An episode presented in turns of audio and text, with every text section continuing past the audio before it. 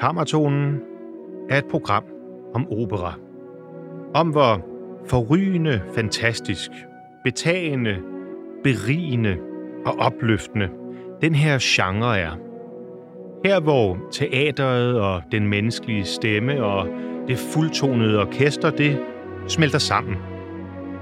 Kammertonen er altså ikke et program om politik, for uanset hvad jeg måtte lave de 167 øvrige timer om ugen, ja, så er denne time mit frikvarter.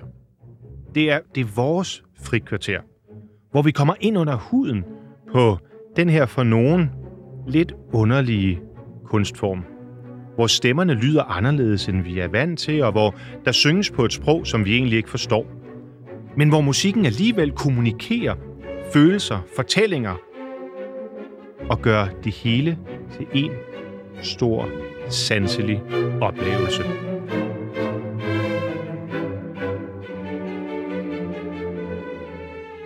Derfor insisterer jeg på, at det ikke skal handle om politik. Men, og det er måske et ret stort men, især i dag, for er det overhovedet muligt at adskille politik og opera? Det kan godt være svært. I Israel, der spillede man ikke i rigtig, rigtig mange år efter 2. verdenskrig Wagners storslåede musik på grund af Hitlers misbrug af ham. Da Mozart skrev sin Figaros bryllup, ja, så satte det alvorlige spørgsmålstegn ved adelen og de privilegeredes rettigheder. Og værdig, værdig, som vi hører her. Ja, han lagde ligefrem musik til den italienske frihedssang, Var Pensiero, altså slavekoret fra hans opera Nabucco. Og der er noget ved ham værdig. Han kunne bare ikke lade være med at udfordre grænserne og provokere. Han var sådan lidt vor tids svar på Muhammed-tegningerne. Og han sloges i flere år med den italienske censur. Især i relation til dagens opera, Maskeballet. Det var nemlig ikke bare sådan lige til at få den opført på scenerne.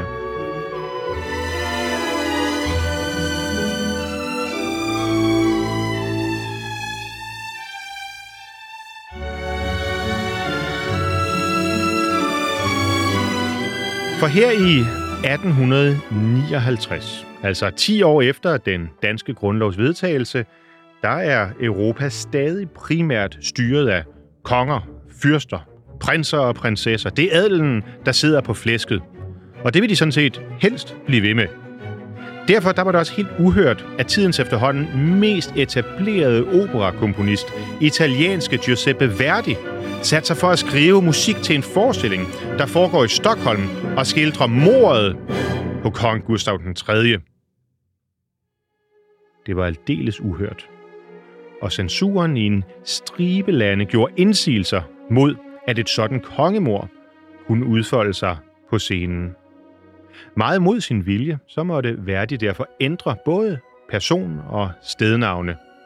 Kong Gustav blev til Ricardo, der trods sit meget italiensk klingende navn er guvernør i Boston, og cigøjnersken mor Brita, ja, hun blev til mulatinden Ulrika. Og sådan var det hele vejen igennem. Man måtte sno sig.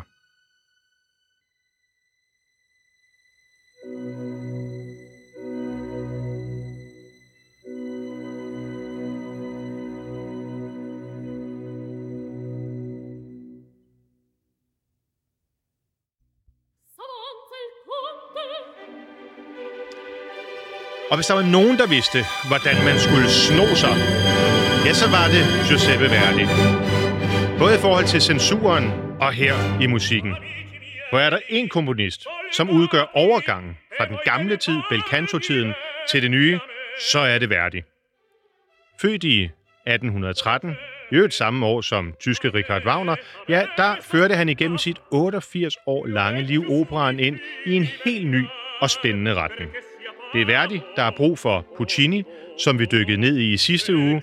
Og ja, det er Verdi, som på mange måder bærer hele opera-genren ind i det, vi kan kalde romantikken. Som her, hvor vi hører Kong Gustav den 3.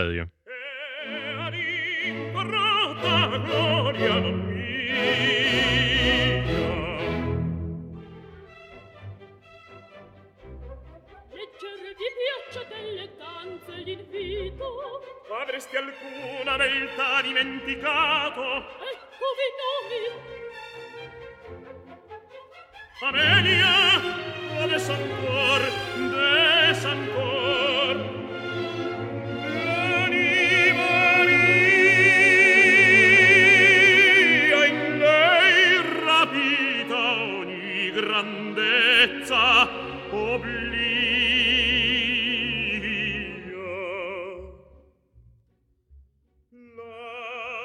Når operan åbner, så møder vi kong Gustav III. Han er netop kommet ud af sengen, og ja, hans tjener, Oscar, kommer og byder ham godmorgen. Nu tænker du nok, jamen hørte jeg ikke en kvinde ud over mandestemmen? Jo, det er fuldstændig rigtigt. For på det her tidspunkt i operan, der er der stadigvæk en tradition for, at mandlige roller, ja, de kan godt synges af en kvinde. Det kalder man en bukserolle. Og det er en tradition, som går helt tilbage til den bel canto og rokokostil, som går forud for Verdi. Og han vælger altså at bygge videre på den tradition. Prøv at lytte her til musikken og samklangen, og prøv måske at sammenligne med det, du hørte i sidste uge, og læg mærke til, hvordan det i virkeligheden er meget, meget forskelligt. Musikken her er ikke en integreret del af stemmerne på samme måde, som vi oplevede det i La Bohème, men komplementerer mere. Der er større afbrydelser, og tingene hænger ikke nær så godt sammen, som det gjorde hos Puccini. Fordi det her, det er værdigt.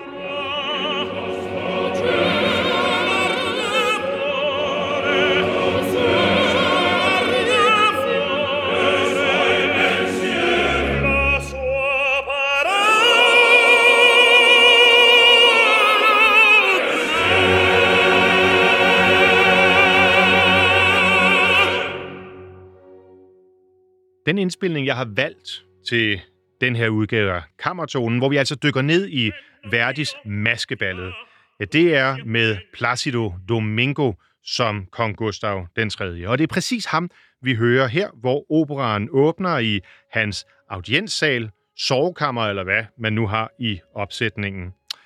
Det, der sker, det er, tjeneren Oscar kommer ind og fortæller kongen, at vi har et maskebal nært forestående.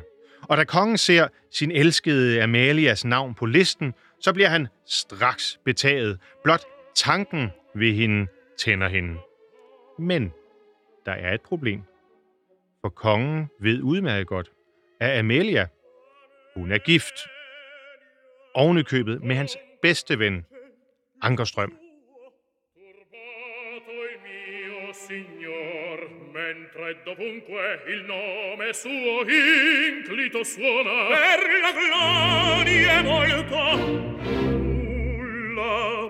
Og det er netop Ankerstrøm, som netop er kommet ind på scenen.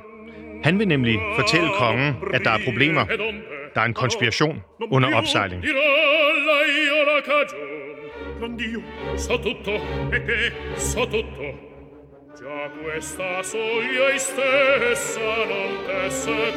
Kongen har fjender.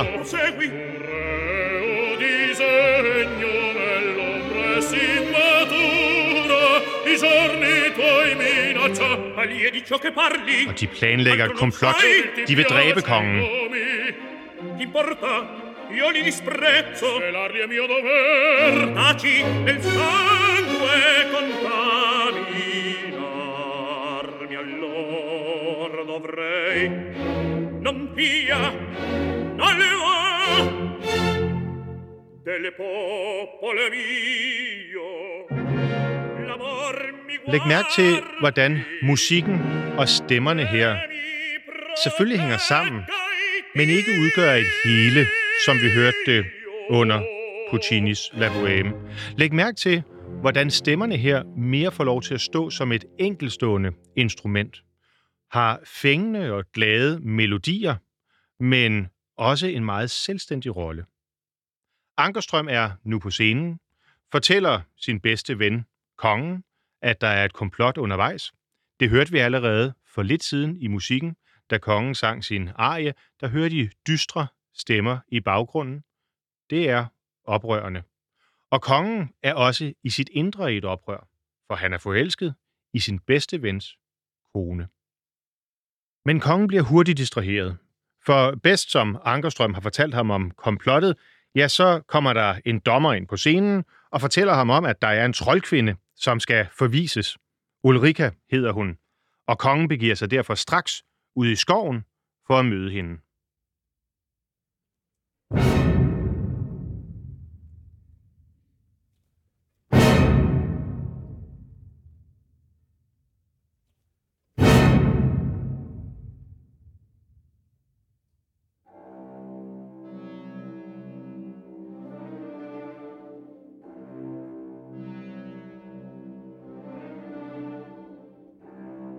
Hør, hvordan instrumenterne skiftevis markerer den skæbnesvanger, den mystiske, men også den lette stemning. En fortættet klang, men ikke nødvendigvis en dyster klang.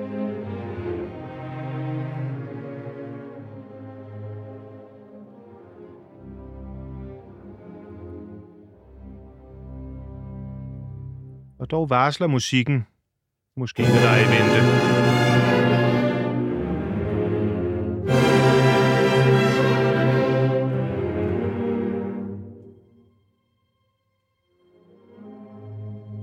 Vi bevæger os længere og længere ind i troldkvindens univers. Og det er netop det, som Verdi vil beskrive med musikken. Både magiens verden, og at troldkvinden er i ledtog med djævlen selv.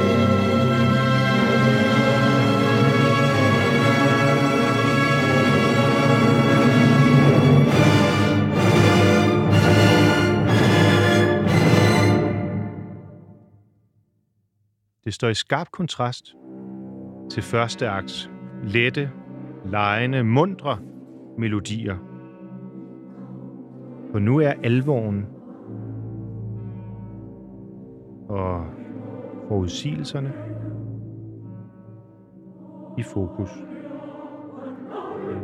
Troldkvinden Ulrika, hun træder ind på scenen.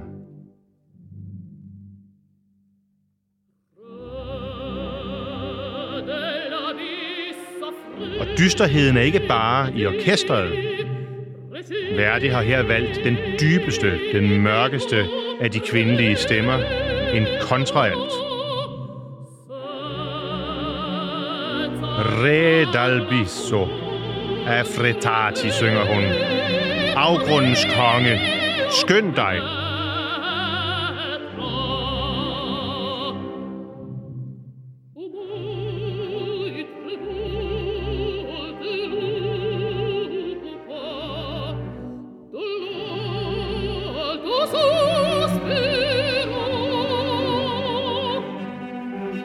Verdi vælger her med den mørke kvindestemme og de dybe strygere at understrege hele den fortættede stemning omkring denne mystiske skråkone. Kongen er godt nok i forklædning, så da hun griber hans hånd, ved hun ikke i første omgang, at det er kongen. Og kongen vælger at spotte hende, bliver overmodig, og først, da han træder ud af sin forklædning, forstår hun alvoren. I samme øjeblik, som hun har varslet, at han skal dø, der træder Ankerstjerne igen ind på scenen.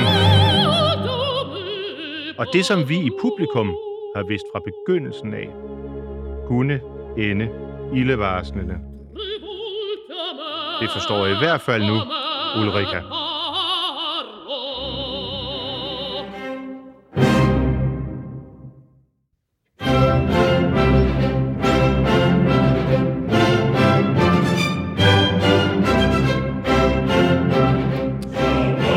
Men trods alvoren, trods kontraaltens volumøse klang, trods orkestret og hele mystikken, så forstår kongen ikke rigtig alvoren. Han anerkender det simpelthen ikke. Og det får muligvis en fatal udgang. Det vender vi tilbage til. Men nu har jeg fået, ja, jeg vil sige, Ankerstrøm i studiet. Det vil sige, det er selvfølgelig ikke Ankerstrøm, men øh, derimod Johan Reuter, som synger Ankerstrøms parti på det kongelige teater for tiden. Det gør jeg nemlig. Hjertelig jeg synes, velkommen. jeg kan genkende det, vi hører. Jeg ved ikke rigtigt. Øh, Det siger mig et eller andet. Ja, gør det ikke det? Gør det ikke det? Hvad, øh, det er optakten til, øh, til øh, jeg tror, øh, kongens slutarie i første akt, ikke? Du Øh, jo, det er det jo, det er det. Ja. Jeg er faktisk ikke på scenen på det her tidspunkt, men Nej. jeg kommer ind lige om lidt og siger, hvad ind i fine laver du her? Kan du så komme op på slottet? Fordi han har, han har problemer. Langt større problemer, end han egentlig ved. Ja, det må man sige. Det må man sige. Og det er jo det, jeg har, det har jeg advaret ham mod tidligere i jagten. Ja. Men, øh, men det, han er altså stadigvæk gået på eventyr her, øh, og det er kun første gang, han gør det i løbet af aftenen. Og det er øh, min figur, det er Ankerstrøm temmelig utilfreds med. Ja. Jeg tror ikke, Ankerstrøm synes, at Gustavo er nogen særligt god konge.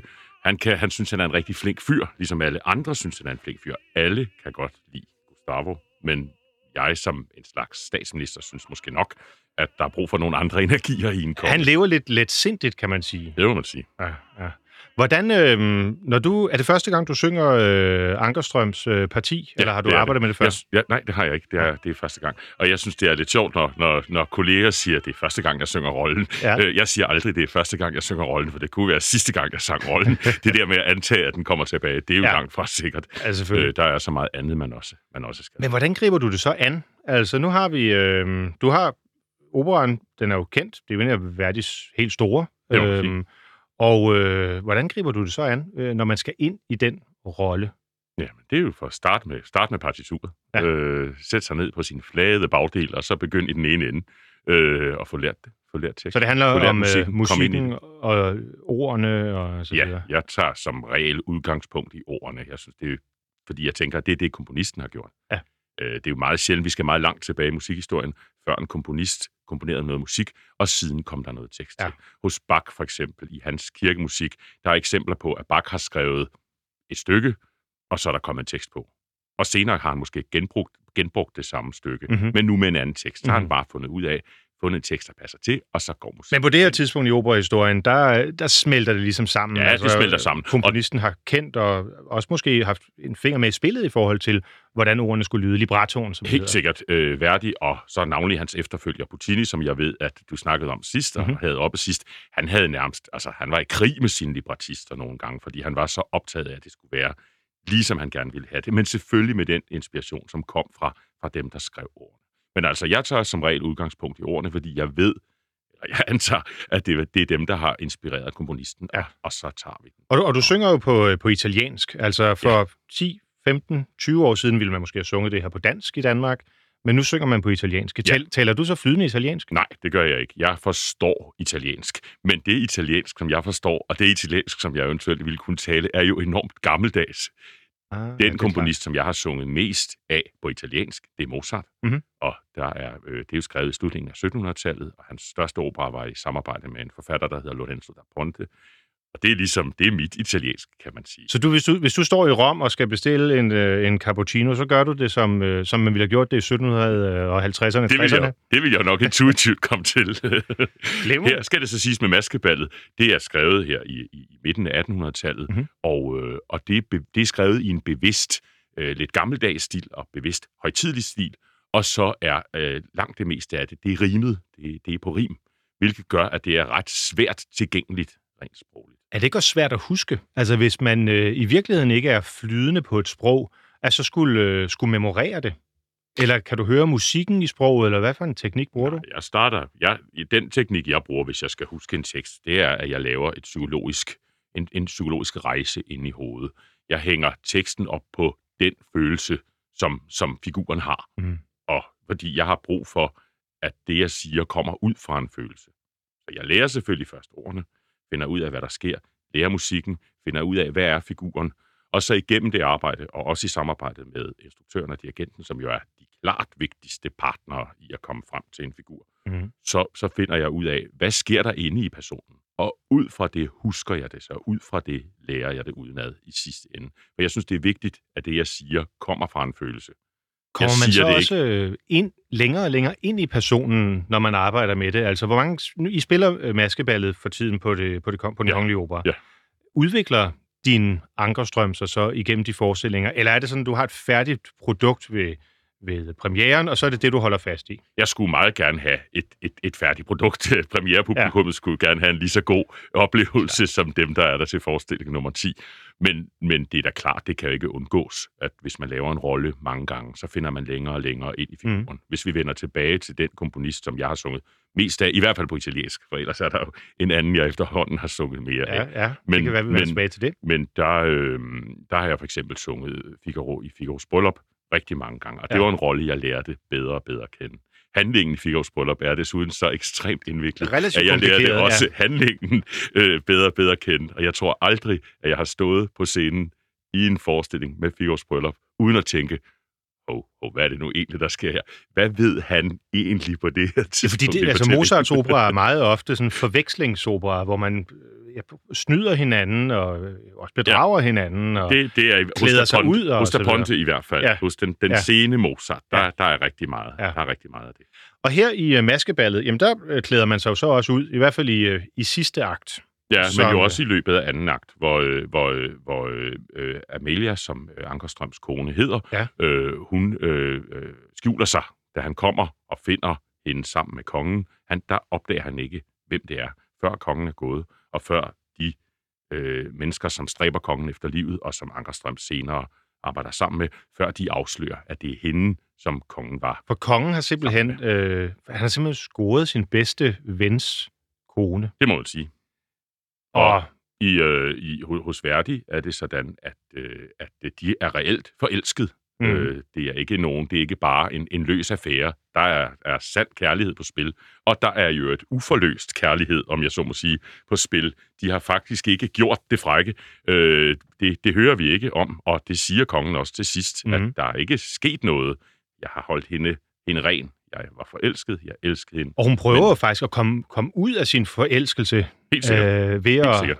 følge troldkvinden Ulrikas råd og gå ud og samle en magisk urt ved midnatstid for at kunne drikke en drik, så hun igen kan elske sin, sin gemal. Ja, og så hun kan glemme sin kærlighed til kongen. Præcis. Hvordan er det så, øhm, altså man kan sige, Ankerstrøm er, han er, han er en ret øh, vred mand igennem hele operaen, kan man sige det, eller i hvert fald en lidt, øh, Han er jo ret kedelig. Kongen er en festlig fyr. Mm. Kongen kan lide maskebal, kongen kan lide teater, kongen kan lide at klæde sig ud, kongen kan lide at give den gas. Ja. Kongen giver efter for sine følelser for Amelia. Ankerstrøm er, i hvert fald sådan som jeg ser ham, jo en meget tilbageholdende til Forknyt der nærmest, konstant siger, ja, og, introvert. ja. ja, der konstant siger til kongen, pas nu på, du skal ikke gøre det, du skal ikke gøre det, du skal ikke gøre det, du skal være konge, du skal opføre dig ordentligt, du skal regere, du skal have orden på finanserne, du skal gå i krig mod dine fjender, Ja. du skal ikke have det sjovt. Hvordan, hvordan omsætter man så, øh, Johan Reuter, det til sin stemme? Altså, det skal jo også være sådan, at de følelser, som du fortolker ind i figuren, Mhm. skal man vel også kunne høre, selvom man ikke ser, hvad der foregår på scenen. Så hvordan, hvordan får man det ind, ud over i går så en bare med ordene? Mm, det er selvfølgelig super interessant. Der er ordene, og, og de fortæller en del af historien. Der er musikken, som fortæller en del af historien. Man kan sige, at komponisten har kurateret ordene øh, øh, for, for, for sangeren, øh, og hjælper på den måde sangeren med, hvad, hvad, hvad skal der siges her? Men så kommer vi jo netop ind på det med stemmen, og det er jo et, et interessant ting, og selvfølgelig også en af de store ting i netop kunstarten, opera. Mm. Opera er en- den, måske den mest sammensatte kunstart, der findes, fordi den beskæftiger sig med lyrik, den beskæftiger sig med prosa, den beskæftiger sig med skulptur, den beskæftiger sig med billedkunst, den beskæftiger sig med lyssætning, den beskæftiger sig med orkestrering, den beskæftiger sig med... Der er næsten ikke den kunstart, som ikke er med i opera. Mm. Operafilm er vel den eneste kunstart, som har et element mere. Det er nemlig optaget på film. Og der har man nogle kunstneriske muligheder, som operan måske ikke har. Ja. Men ellers har operan virkelig mange værktøjer i kassen til at nå ind til sin tilskuer, til nå ind til sin til. Kan du åbne lidt for... Øh... Et af dem er så, et af dem er jo så stemmen. Ja. Øh, og der er det jo interessant, fordi hvad udtrykker man egentlig med sin egen stemme? Mm. Mm. Hvad udtrykker du med din stemme? Hvad udtrykker hvem som helst med deres stemmer? Jeg ved jo heller ikke, hvad jeg udtrykker med min stemme. Den er en del af mig. Den er vokset op sammen med mig. Jeg har lært at bruge den, men der er mange vigtige dele af min stemme, som jeg ikke kender til. Der er den helt fladpandede sandhed, at jeg kan jo ikke høre mig selv, når jeg synger. Nej. Jeg har en idé om, hvordan det lyder efter mange år, hvor jeg har lyttet til, til optagelser, men jeg hører jo faktisk ikke mig selv. Jeg Sådan tror, det lytterne vil sige, at du, du har en meget sådan karakteristisk stemme, sådan en meget maskulin, mørk øh, klang. Kan, det kan være. Er det noget, er det noget som... Altså, er det noget, der skal tøjles, eller, eller synger du bare sådan frit fra karskenbæl? Nej, det skal bestemt tøjles. At klassisk sang er jo i den grad noget, der skal tøjles. Ja. Øh, ellers ville vi jo råbe. Ja. Og det tror jeg ikke ville være så spændende. Ej, så vil Det man næppe holde tre timer. Det, det vil, for det første vil, vil jeg ikke holde tre timer. Jeg tror heller ikke, publikum Nej. ville holde tre timer. Det vil blive stærkt anstrengende. En sjælden gang kan det, kan det være effektfuldt at råbe mm-hmm. i Mhm. stedet for at synge. Men det er absolut... Men så skal det være indtænkt fra, øh, fra Så komponistens... skal, så øh, skal det ligge i, i ja. værket. Så skal Ja. det være ideen. Det er Ja. klart, at når vi bevæger os frem i tiden, og når vi bevæger os op imod vores egen tid, så er der komponister, der beder om mere avanceret udtryk, beder en om at bevæge sig uden for, for boksen Mhm. mm-hmm. rent vokalt. mhm. Men her i Verdis tid er der jo nogle, nogle, nogle, nogle ret faste rammer, faktisk nogle meget faste rammer for, hvordan det skal lyde. Jeg vågede lige før, du kom ind i studiet, den påstand over for lytterne, at vi her i øh, midten af Verdis liv cirka, Ja. øhm, også befinder os i en overgangsfase fra den gamle sådan, bel canto-stil, Ja. med Bellini, Donizetti og så videre, hvor det er meget øh, let i karakteren og øh, meget koloratur og så videre. Man stadig har recitativer, hvor man taler. Og så på en rejse i retning af det, som vi beskæftigede os med i sidste udsendelse, eller forrige udsendelse, øh, nemlig romantikken. Ja. Øhm, hvordan er det øh, at arbejde med i forhold til øh, for eksempel andre perioder i Verdis liv, eller måske helt andre komponister, at, at skulle ind i den her specifikke genre? Jeg synes jo, det er en super spændende overgang. I det hele taget, så kan jeg godt lide de der overgangstider. Jeg er for eksempel personligt meget interesseret i den musik, som blev skrevet omkring det tidspunkt, hvor man forlod det durmål tonale system. Altså Mhm. mm-hmm. i starten af det 20. århundrede. Mhm. Mm-hmm. Jeg synes, det er utroligt interessant at se, hvad skete der af nyt, men også, hvad skete der med, skete der med de komponister, som valgte at holde fast i det durmål tonale system. Ja.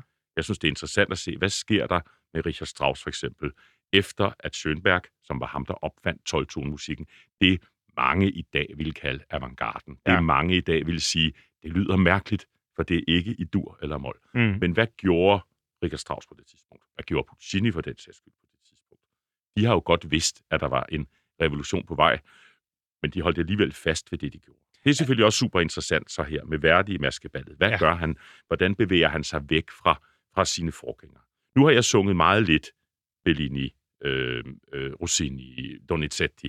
Det har jeg beskæftiget mig meget lidt med. Mozart er ligesom min bel canto. mm. Mm, mm. Men alligevel, jeg har for eksempel indspillet et album med, med Luther, øh, øh, arier fra Verdis tidlige og praktisk talt ukendte opera. Altså endnu tidligere end, øh, end det her. Et tidligere end Maskeball. Ja, okay. Øhm, Er det, Og- øh, hvad er det, øh, Konge for en dag, og Nabucco, Ja, han har og skrevet en- Jerusalem? han har og... skrevet, nej, Nabucco er, er, er ikke med her, men han har for eksempel skrevet en Jeanne d'Arc Åh, ja, det er rigtigt. Han har skrevet ja. Du Foscari. Der er en, en hel gruppe af opera der, som ikke bliver opført så tit, men som indeholder rigtig meget god musik. Det minder jo dog meget om Donizetti. Mhm. Øh, Den hvis- tradition, som Verdi fødes ind i. Ja, præcis. Og vi er jo stadigvæk i belcantons verden, som man siger, belcanto, som betyder smuk sang, Mhm. mm. og inden for belcantoen, der var nogle regler for, hvordan skulle det ligesom lyde. Og dem har Verdi ikke brudt med her. Endnu. Kan, endnu. Nej, nej, og dem bryder han jo ganske rigtigt med, øh, jo længere vi kommer frem i tiden. Og når vi når til hans to sidste værker, som er Falstaff og Otello, eller Otello og Falstaff, Mm, altså mm. øh, så, så har han jo brudt med belcantoen. Så Og- er vi et andet sted. Og noget af det, som, som jeg synes i hvert fald er nemt at, at identificere i forhold til det, det er, hvis man har et akt, som vi har jo her i ba- maskeballet, så er det ret tydeligt, at, at der er nogle afrundede passager. Der kommer en arie, Ja. så er der en lille pause, Ja. der er mulighed for at klappe, Ja. så kommer der noget kor, ja, der kommer måske en orkesterspil, en minuet, eller noget andet. Hvorimod i øh, senere hen, både hos øh, Verdi, men jo særlig grad hos Puccini og dem, der er der, jamen så er hele akten afrundet. Det er nærmest et stykke musik. Det er det, man kalder gennemkomponeret, mm. i modsætning til en, en nummeropera, som man kalder det, hvor, hvor det er delt op i numre. Hvad gør det som sanger? Altså, hvad, hvad, er forskellen der? Er det lettere, er det bedre, er det sværere? Eller hvad, hvad, hvad tænker du, når du skal ind og lave en, øh, en, en Verdi-opera fra den her periode? Mm. Nu synger jeg rigtig meget Strauss, ja. rigtig meget Wagner, og jeg synger også en hel del moderne musik. Og det er gennemkomponeret, så at Det er altså, som udgangspunkt Ja. gennemkomponeret. Det er sjældent, at der er et pause til, at man kan klappe hos Wagner. Det sker ligesom Ej, ikke. det vil nærmest være en fornærmelse mod det, mesteren, det, tror jeg. Ja, det vil måske ikke være en fornærmelse mod Wagner, men der er en stor del af hans publikum, som vil mm, synes, at mm. det var en fornærmelse. Jeg ved ikke helt mod hvem. Men, men her sker der jo for eksempel det, at publikum klapper øh, efter en arie eller efter et ensemble. Og for mig er det jo en lille smule uvandt, men jo samtidig rigtig fint. Og det er jo en måde også at gå i teateret på og ligesom Ja. ja. deltage. Og der er jo ikke nogen, der synes, det er mærkeligt, hvis der er nogen, der, knap, der klapper, øh, endda mens musikken spiller, hvis Mm. det er her rundt om hjørnet i Jazzhus Montmartre. Nej, det er rigtigt. Det er der jo ikke noget, noget forkert i. Øh, så Du det- sang jo det synes jeg er øh, fint. du sang i, i går aftes, øh, og jeg var inde og høre det, øh, og det var en dejlig aften. Har du, et, øh, har du sådan en, øh, en yndlingsarie fra maskeballet, der hvor du ved, at, at nu, er det, nu er det dit øjeblik, der hvor du skal stråle den aften? Eller er man sådan helt selvudslættende og går bare ind øh, sammen med de andre sanger og orkestret og siger, vi er et hele? Altså, ja, vi er klart et hele. Ja, det er helt sikkert udgangspunktet. udgangspunktet. Og jeg er interesseret i at være med til at lave en god forestilling. Jeg er ikke interesseret i, at jeg skal ind og shine. Samtidig ved jeg godt, at der er jo tidspunkter, så er det min tur, så er det mig, der træder frem, så er det mig, der ligesom Mm. har bolden. Øh, og det er klart, det er primært i mine to arier, Mhm. mm-hmm. hvor den anden arie, som ligger i starten af tredje akt, ligesom er det helt store nummer. Det er, det er den, øh, man kender, hvis man kender maskeballet. Og det er virkelig også en, en fremragende arie. Og hvad er den hedder? Den hedder Eritu. Øh, øh, det var dig. Øh, det er ikke min, min utro kone, men det er derimod min ven, som har forført hende. Det er ham, det er dig, der skal straffes. Og lad os lige prøve at høre øh, lidt derfra i den indspilning, som øh, vi har med her i dag. Ja. Man kan virkelig høre, øh, er sådan meget militært i sin karakter i virkeligheden. Ja. Men øh, han er jo også militærmand, Anders Strand. Det er jeg ikke i tvivl om. Øh, nu kan jeg jo ikke lade være med at høre efter. Er det distraherende at høre en anden synge det, som du sidder og arbejder med? jeg, lytter, jeg lytter aldrig til indspilling. Det gør du ikke? Det gør jeg ikke. Øh, det, eller jeg lytter yderst sjældent til Ja. indspilling. Ja. Øh, fordi jeg ikke så gerne vil, vil synge det som en anden. Ja. Jeg vil gerne synge det som mig. Og navnlig da jeg var ung og begyndte at, at lære at synge, så kunne jeg simpelthen ikke lægge det fra mig. Hvis jeg, hvis jeg lyttede til en indspilling, så tog jeg Så kom nærmest automatisk de Ja. idéer ind og den lyd ind. Og det er jo ikke nogen god idé. Så lad os lige høre den her øh, indspilning, og så tale om den bagefter. Det er helt fint. che con pene sin tal guisa dell'amico tuo primo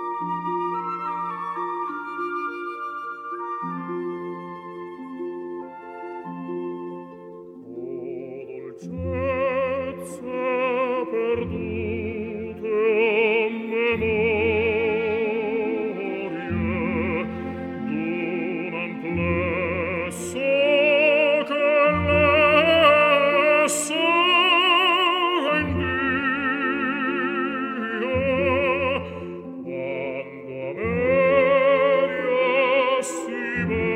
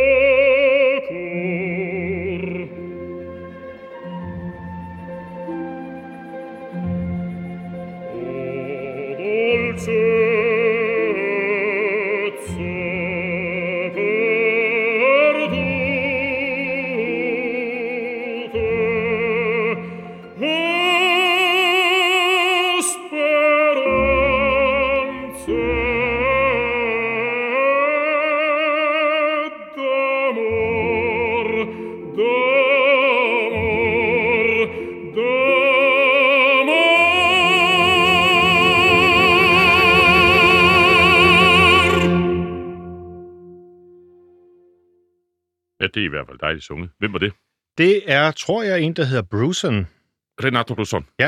Kan det passe? Ja, det kan sagtens passe. Ham har jeg sågar sunget med. Er det rigtigt? øh, i, i, som, som ungt menneske. Dengang øh, Tivoli havde en årlig øh, stor operakoncert, der var en af dem, hvor Renato Brusson var, var hovedfiguren. Okay, okay. Øh, det var Marcello Viotti, der dirigerede øh, de koncerter i, i en årrække. Han er en, øh, ja, han, han er kommet i godt selskab her. Det er indspilningen med øh, Claudio Abbado øh, og Domingo som øh, konge, og så ja. Ricciarelli øh, Ja. som Amelia, Ja. som øh, jeg har valgt at bruge her i, øh, i, øh, i dag. Og det er som sagt, skal jeg lige sige til lytterne, ikke en stillingtagen til, om det er det bedste. Jeg er bare vild med Domingos stemme som tenoren. Mm-hmm. Øh, synes, det passer fantastisk godt ind. Du derude, find den, som du kan lide øh, på Spotify. Der er masser af indspilninger. Måske ovenikøbet en med Johan Reuter. Det er der ikke, Nå, for det, det er har jeg ikke indspillet. Ikke endnu i hvert fald. Nej. Øhm, her vil jeg, jeg godt spørge lidt til den her arie, fordi den starter jo sådan meget majestætisk, sådan nærmest militært, zam, babadam, bam, Ja. bam, bam, man hører Ja. ja. messingblæserne og, og, og strygerne. Ja. Men så bliver den jo sådan meget følsom. Og det er jo fordi, han bliver øh, øh, grebet af, eller han, han indser, at han ikke kan slå hende ihjel. Han har jo lige lovet hende, at hun skal dø en frygtelig død. Din kone, øh, Øh, fordi hun har været utro præcis, antagelig. Ja. Præcis, og det øh, i egen skifter øh, fortællingen jo så, så fra, at, at, øh, at jeg vil slå min, min hustru ihjel, til at jeg vil slå den her øh, øh, falske ven ihjel, som Kongen. har, har forført hende. Ja. Præcis. Ja. Og, øh, og, øh, og, og det er jo så altså det, vi hører i musikken. Vi starter med denne her øh, øh, hævnting, øh, og, og så går det hen til de, det, han har tabt, det, han mm. har mistet, øh, som jo er en yderligere grund til hans raseri. Ja. Hans raseri. Så han bliver grebet af, eller hans vrede bliver rettet et andet sted hen, og han bliver mindet om kærligheden og hendes uskyldhed. Og så videre. Ja, og han bliver mindet om det, han har mistet. Det er Mm. jo temmelig trist. Mm. Klart. og han har jo, øh, øh, han har jo øh, mistet det for altid. Jeg tror ikke, han regner med at få det. Jeg tror ikke, han regner med at få det tilbage. Nej. Øh, og han får det jo slet ikke tilbage. Lad os nu antage, øh, hun siger til ham, at, at hun har elsket kongen, eller at hun elsker kongen. Ja. Så, så, så hvis han slår kongen ihjel, jamen det er jo bare en grund mere til, at han ikke kan, at han aldrig får Amelia tilbage. Selvfølgelig. Hvordan, øh, hvis vi ser på selve ariens opbygning, din Ja. stemme karakter, din stemme klang er, er basbaraton, ikke? Jo, det Ja. er det. Det er det, Ja. jeg synger mest. Det vil sige, det er det, det, er det dybe øh, herreleje. Ja, det er jo måske mere et spørgsmål om en, en lyd, end om hvor det ligger Okay. øh, med, med, med tonerne. Der, ja. Er jo ikke så, der er jo ikke så stor forskel på, hvis man kalder sig bariton, eller hvis man kalder sig basbariton, eller, Nej, eller, øh, eller for den sags skyld, hvis man er heltetenor, eller hvis der man er ikke så stor forskel øh, fra... der er ikke så stor forskel på, hvor højt eller dybt det ligger. Det er mere et spørgsmål om, hvordan det lyder. hvordan Fordi der er nogle af de toner, jeg hører her, hvor jeg tænker, er det S eller F eller sådan noget i det leje? Der er jo Øh, G'er i det Er der helt på G? ligger, Ja, det ligger, Okay. det, ligger, det ligger ganske højt. Det er Ja. et rigtigt baritonparti. Ja. Men jeg prøver at, øh, at udfordre mig selv lidt en gang imellem, både ved at synge rigtige baspartier, eller ved at synge rigtige baritonpartier. Øh, det, det kan jeg godt lide. Og hvad, er, det, er det så den øh, unævnelige, er det så Wagner, vi har med at gøre der, når du siger rigtige baspartier? Ja, ja, men jeg har for eksempel også sunget Boris Godunov af, af Ah, okay, Mussorgsky. som, som bliver sunget af, af, af, af, om man så må sige, rigtige basser. Det Ja. ja. havde jeg da så øh, ganske, ganske fornuftig succes. På, på russisk. På russisk, Ja. ja. Man får arbejdet med nogle sprog. Det må man sige. Ja.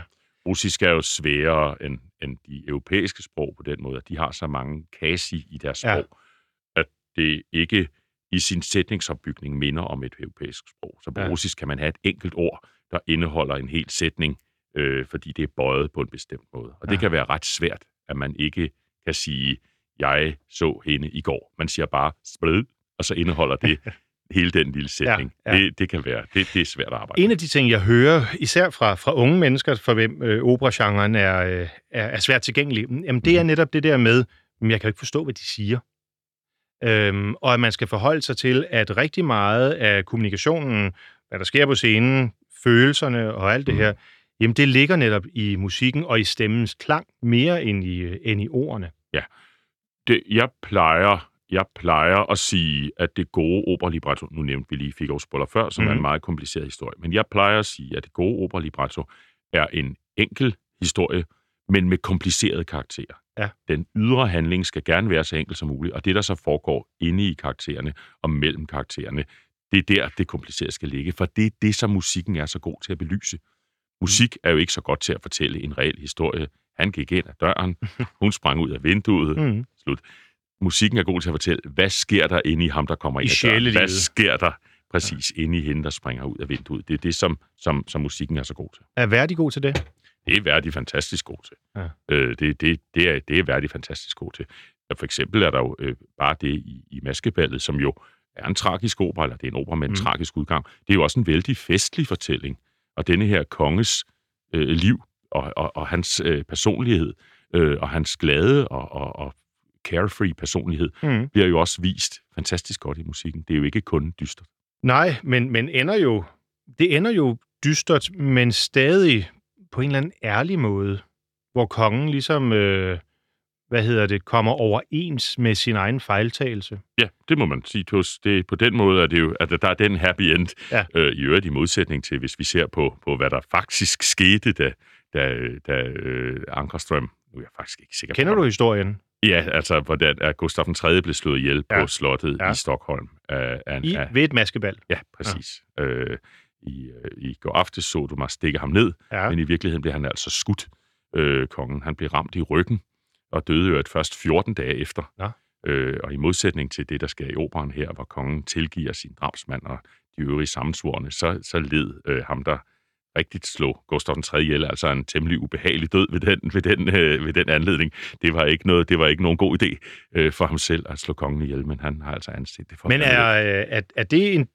Jeg fortalte øh, tidligere i, øh, i programmet her, hvordan det var utrolig besværligt for Verdi i virkeligheden at få lov til at lave den her øh, opera, og øhm, i, jeg tror stadigvæk i dele af verden, der bliver den vel stadigvæk opført sådan kamufleret. Ja, Øh. men det skyldes jo ikke, at man er bange for at fortælle om denne her konge, der bliver slået ihjel. Nej. Det er jo fordi, det var jo den udgave, som Verdi som den endte med, at, at, lave. at have.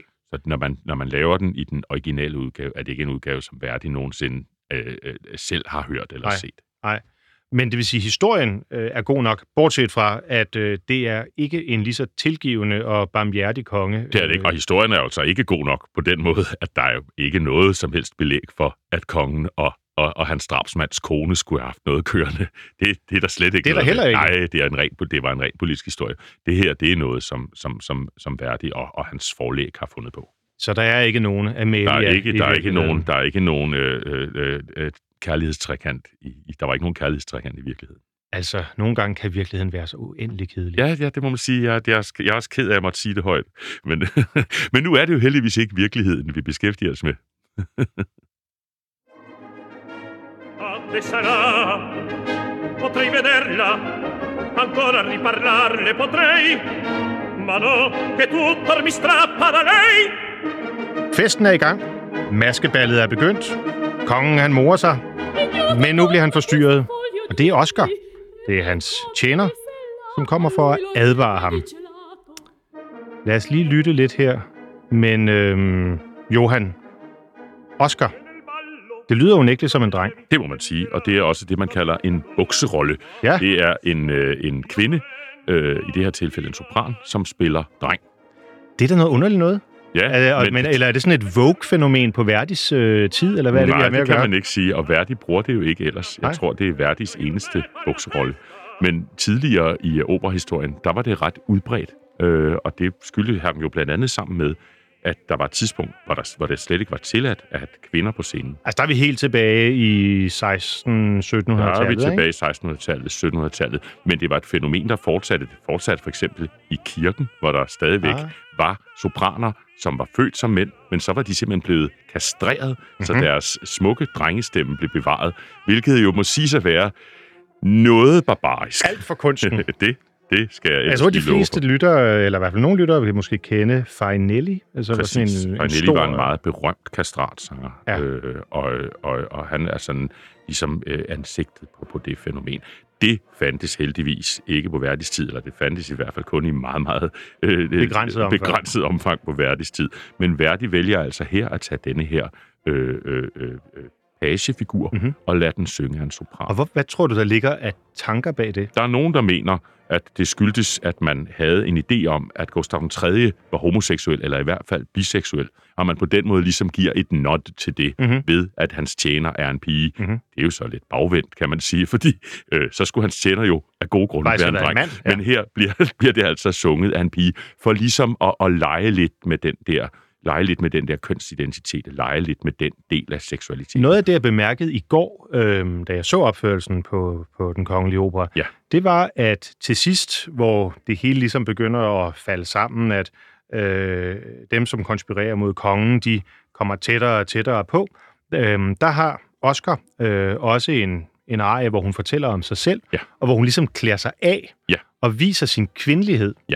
I det her tilfælde skyldes det, at instruktøren på denne her produktion har valgt at sige, at Oscar er altså en kvinde. Mhm. Oscar er en kvinde, der har klædt sig ud som en dreng. Det er noget mere eller mindre alle ved. Oscar er en kvinde, der har klædt sig ud som en mand og er blevet kongens ven. Øh, Oscar er så i denne her udgave altså også forelsket i kongen, så det er ikke kun for, som tjener, men altså også for at være tæt på, på, på ham, hun godt kan. Men det er ikke noget, Verdi eller librettisten har tænkt ind. Det er noget, som instruktøren selv øh, kommer frem til. Det er noget, som instruktøren øh, har, har valgt, men i det her tilfælde synes jeg, det, der er fuld dækning for det. Der sker, der bliver ikke på noget tidspunkt sagt noget øh, i, i librettoet, Nej, nej. som, som ikke passer til det her. Og man må antage, at Verdi jo netop har haft en idé med, at det var en kvinde, der synger denne her Ja. rolle. Der er den tvetydighed, der er det der, der er den der kant på det. Og det, Det ikke- synes jeg er rigtig fint, at det bliver vist visuelt. Jamen, jeg, jeg, jeg havde ikke noget imod Nej, den, nej, nej. den frie fortolkning, men øhm, du tror ikke bare, det er noget, hvor Verdi igen ligesom står stadigvæk med et ben tilbage i bel canto-genren og siger, jeg har simpelthen bare, den måde, jeg hører musikken i librettoen her, det ligger bare bedre for en sopran. Det kan sagtens være, og han kan jo også netop, han kan have ment, at han har brug for den, han har brug for den lyd, ja. øh, til, til for eksempel at vise den, den, den glade og, og, og ubekymrede side af kongen. Han kan også have ment, at han har brug for en damestemme i, øh, i de her herreensembler. Men øh, for for eksempel i, i anden akt hos Ulrika, Øh, nej, undskyld, første akt hos Ulrika. Mm. Jeg bliver ved med at blande dem sammen. Det føles som et aktskift. Det er klart. når det vi er går anden fra scene i første Det er akt. anden scene Ja, i første akt. Øh, der er, det, det er herrekor, og så en sopran. Hvilket Aha. er en et stærkt usædvanlig Ja. besætning. Der er herrekor, herresolister, og så altså denne her ene sopran. Og så er jo suppleret af, af troldkvinden Ulrika Ja, en meget mørk karakter. Altså en meget, stemmemæssigt meget mørk karakter. Ja, også, også, også rigtig interessant, at han Ja. vælger at, at lægge det der. Men det skal så siges, det er et eksempel på det, jeg nævnte før, hvor jeg sagde, at der er jo ikke så stor forskel på, hvor højt eller dybt det ligger. Mhm. Øh, for Ulrika har bestemt også nogle høje toner, men det bliver øh, traditionelt sunget af en meget mørk stemme, og der er grund til at antage, at Verdi har ville have en, en rigtig mørk stemme. Giver det ikke også, når man har en, hvis man må sige det sådan en traditionel mørk stemme, en bas, bariton, mm. Der skal synge høje toner for sit leje, mm. Mm. F, G, det giver vel også en, øh, en, en, en voldsomhed, eller hvordan, altså, man kan vel virkelig, det er meget ekspressivt, tænker ja. jeg. Eller ja. Vil du kunne synge det meget piet, øh, pietistisk også? Ja, det vil jeg kunne, men det tror jeg ikke ville være særlig interessant her. Det øh, øh, sted, du nævnte før i anden halvdel af Eritu-arien, Ja. ideen er jo netop, at det skal vise, at han er på gyngende grund. Ja. Ideen er, at det, vi skal vise, hvor svært det er for ham. Og det er derfor, Verdi lægger det derop. Verdi lægger det ikke derop for at vise, hvor suveræn Ankerstrøm er i den situation. Nej, det er Verdi lægger det desperationen, man skal høre i stemmen. Det skal være svært. Ja, ja. Og det er derfor, der er nogen, der for eksempel... Nu snakker vi om Domingo her. Øh, han har i, i den sene del af sin karriere, har han sunget baritonpartier. Mm.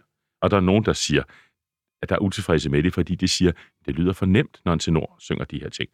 Jeg er personligt af den mening, at Domingo er en glimrende bariton. Jeg har Så han kunne faktisk synge Ankerstrøm i dag. Ja, det gør han. Det gør er jeg han. overbevist om. Ja, det gør han. Øh, og der er så nogen, der mangler den der Ja. desperation. Der er Ja. nogen, der mangler den særlige klang. Fordi han har både øh, øh, A og B ovenover. Øh, øh, det har han En- i hvert fald Ja. haft, så Ja, han, han ja. synger teknisk meget overbevisende Ja. i det leje. Det gør Blusson, som vi hørte før Det gør han også. også. Øh, gør han og og øh, måske næsten, hvis jeg må tillade mig at sige det, næsten lidt for overbevisende. Det lyder meget smukt, og måske ikke helt som om, at han er Men i, ikke i desperat. krise. Nej, Nej, det synes jeg ikke, det gør. Lad os lige vende os mod Domingo igen, fordi nu øh, nærmer vi os øh, afslutningen, både på kammertonen her i dag, men dermed også på, øh, på maskeballet. Mm-hmm. Øh, Ankerstrøm har nu skudt eller stukket kongen, Ja. som øh, er ved at dø.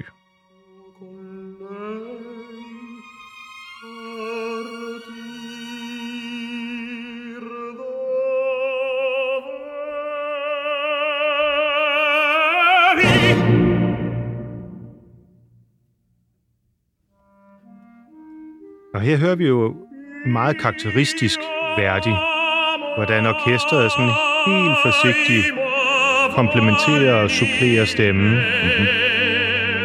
Hvordan forbinder du, eller hvad oplever du ved den her arie, den sidste arie i, øh, i maskeballet? Hvis Jamen, du skal jeg- sætte ord på. Nu stod jeg på scenen med det i går, og det, Ja. ja. der sker lige her, er, at kongen siger, jeg elskede hende, men vi har aldrig gjort noget, vi ikke måtte. Ja. og, og det er jo ligesom det, jeg føler, når jeg hører det. Jeg hører måske ikke så meget efter. Så du hører det her som Ankerstrøm? Ja, det kan jeg ikke lade være med. Så selvom du hører det her i et øh, studie med, øh, ja, du har ikke hverken kaffe eller te, men et glas Ja, vand foran dig, ja. så kan du ikke, du kan ikke komme ud af rollen. Nej, for det er jo ligesom min, det er min øh, psykologiske respons på det sted. Ja. Det er, gud dog, hvad har jeg gjort? Ja. Ja. De havde, de, det, var, det var i orden. Du har slået kongen ihjel Der var ikke, der var ikke grund. sket noget. Ja, til en vis grad. Nu har jeg jo også, øh, jeg slår kongen ihjel øh, i samarbejde med de sammensvorene. Ja, Ja, ja. Og der er også en politisk grund til det. Og som jeg fortalte før, i den virkelige fortælling, var der kun en politisk grund. Så jeg prøver selvfølgelig også at få det med, med ind. Der er en scene, hvor I simpelthen trækker lod Ja. om, hvem der skal have lov til at, øh, at slå kongen ihjel. Ja, for vi har jo vi, vi synes, alle, motiver. vi synes alle tre, at vi har rigtig gode motiver, og det er os, der ja. fortjener at få den, den ære. Ja. Man hører meget ofte folk, der måske ikke er hjemme i operans verden, sige, hvorfor skal det tage så lang tid at dø? Ja. Altså, fordi når det sker på, øh, i en film, jamen, så er det øh, et skud, og så er vi videre til det næste. Ja, der vil jeg så citere nuværende teaterchef og tidligere mange år operachef øh, på det Kongelige Teater og i London, Kasper Holten, for at sige, at i virkeligheden, så kan det jo tage og tager på en måde et helt liv at dø. Mm. Så at analysere den, bruge 10 minutter på at analysere den situation følelsesmæssigt, det er faktisk ikke ret lang tid. Så lad os bruge de sidste par minutter af programmet her på at høre, hvordan maskeballet dør i øh, maskeballet slutter i øh, Verdis hænder, hvor kong Gustav den 3. altså dør.